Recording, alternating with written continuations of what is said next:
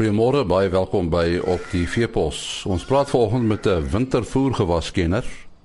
En dan praat ons met 'n uh, hoefsmid op 'n melkplaas. Ja, glo dit as jy wil, ons uh, staan so aan die heel begin van die van die winter. Die uh, die somer lê op sy rug en dit is nou herfs. Nou 'n veeboer uh hou nie baie van winter nie want uh, dis nogal uh, 'n nagmerrie om vee doeltreffend te oorwinter. Nou, ons gesels nou met 'n uh, 'n uh, wintervoergewaskenner by Panhard Dirk Kutse. Nou Dirk, uh, watter faktore moet 'n mens nou oorweeg as 'n mens nou wintergewasse aanplant? En ja, uh, daar's verskeie gewasse beskikbaar as dit kom by droëland wintervoere.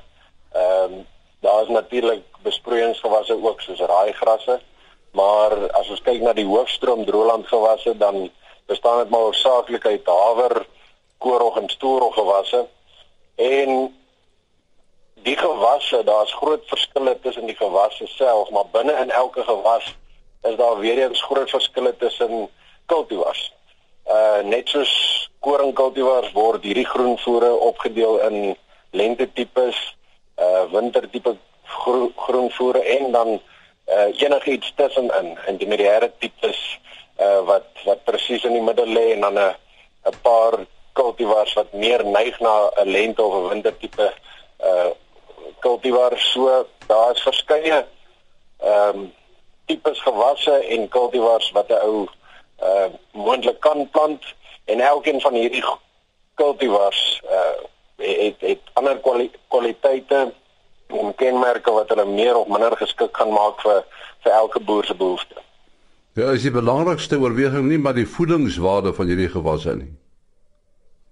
Dit is en die ehm um, die voedingswaarde van die gewasse uh speel tog 'n rol, maar daar daar die die die of die kwaliteit en die voedingswaarde van van hierdie kultivars of hierdie gewasse kan e is eerder 'n funksie van bestuur as wat dit 'n funksie van uh die gewas self is. Ons weet dat haver is oor die algemeen bietjie smaakliker as koorrog. Koorrog is weer bietjie smaakliker as stoorrog. Ehm um, maar jy gaan nooit vir jou vee in een kamp verskillende kultivars of verskillende gewasse plant uh wat vir hulle 'n moontlikheid gaan gee om te selekteer. So smaaklikheid, ja, daar's verskil in smaaklikheid en daar's verskil in, in voedingswaarde, maar honger bly honger en en en vee moet eet en met goeie bestuur kan is is daar nie 'n gewas op die mark wat wat se voedingswaarde of smaaklikheid nie op standaard kan wees by goeie bestuur nie. En en die planttyd, wanneer is die beste planttyd? In die koeler oostelike dele is daar ouens wat die groenvoere al plant van einde Januarie af vroeg in Februarie.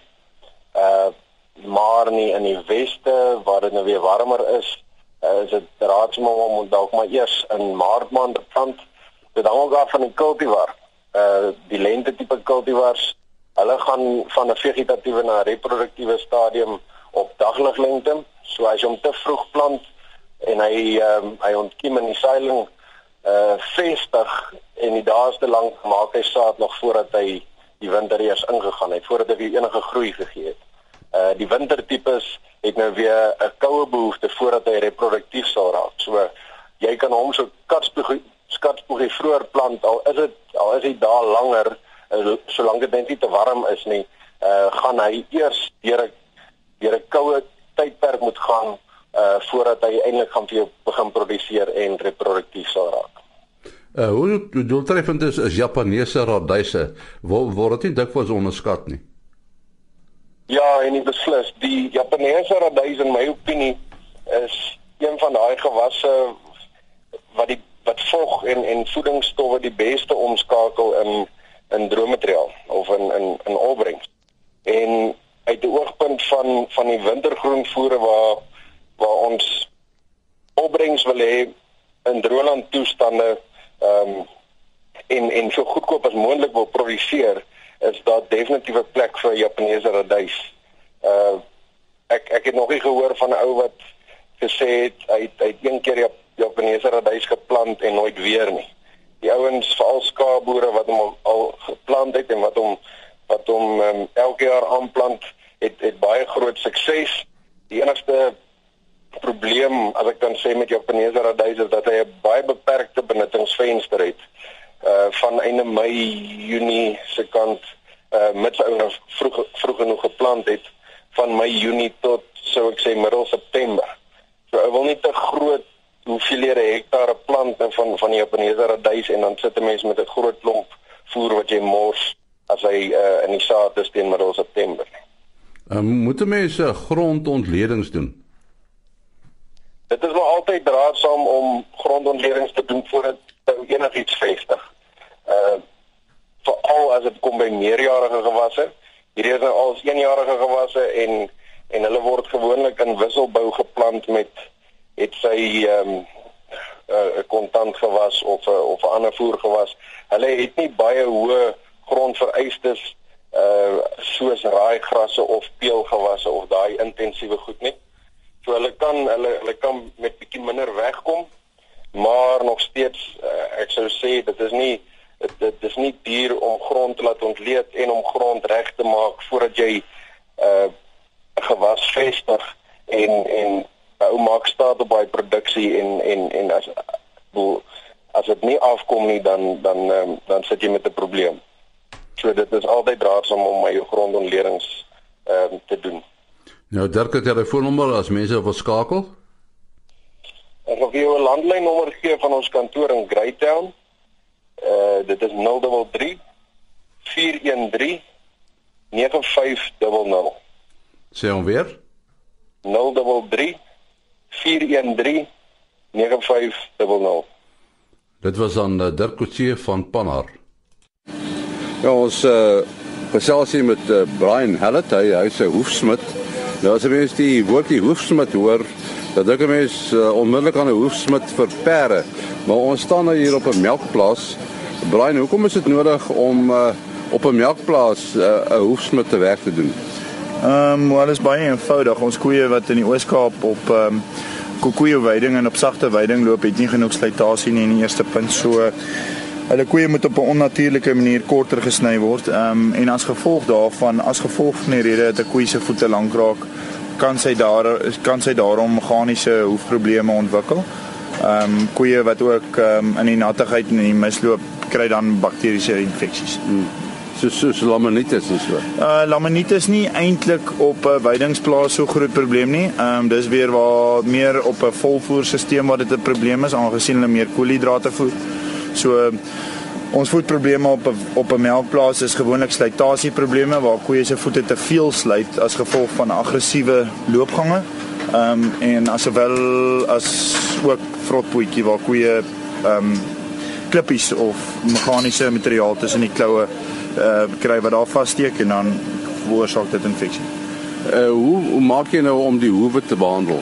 Ehm um, wel eh uh, die eerste stap is om die koei in die masjien te kry en dan sny ons haar voete korter volgens lengte en dan balanseer ons die twee kloue want wanneer wanneer 'n koei inkom vir vir vir vir vir behandeling is die kloue gewoonlik uit balans uit menende dat sy dalk meer gewig dra op die buiteklou as op die binneklou. So wanneer ek die koei sny, balanseer ek die hoewe en dit versprei die gewigs vir uh, die gewig korrek oor al twee kloue. Ehm um, van daar af sal ons dan die koei behandel vir die tipe infeksie wat sy dan het. Hoe weet 'n mens dat so 'n koei behandeling nodig het? Ehm um, dis eintlik baie eenvoudig van ons koeie wat uitgesoek is vandag. Ehm um, kan 'n mens op die oog af sien hoe swaar die koei loop volgens haar rugpostuur. 'n Koei met 'n plat rug sal gewoonlik 'n koei wees wat gemaklik is op haar voete en 'n koei 'n uh, 'n koei raak al hoe ongemakliker op haar voete hoe krommer die rug. So jy kan jou koeie baie vinnig ontleed as gevolg as ook die die die lengte van die tree wat die koei gee, ehm um, gee vir jou indikasie van of sy gemaklik is of ongemaklik en volgens dit sal ons dan koeie uithaal. Nou as jy met, met so 'n koei werk, uh, die, die koei laat dit seker nie maklik toe nie. Uh, mens moet die koei seker taamlik beheer. Ehm um, dit hang af van plaas tot plaas. Ehm um, die manier ons opstel is gewoonlik uit 'n drukgang uit. So ons koeie is dan op 'n natuurlike manier geforseer om in te kom in die masjiene waar ons hulle behandel.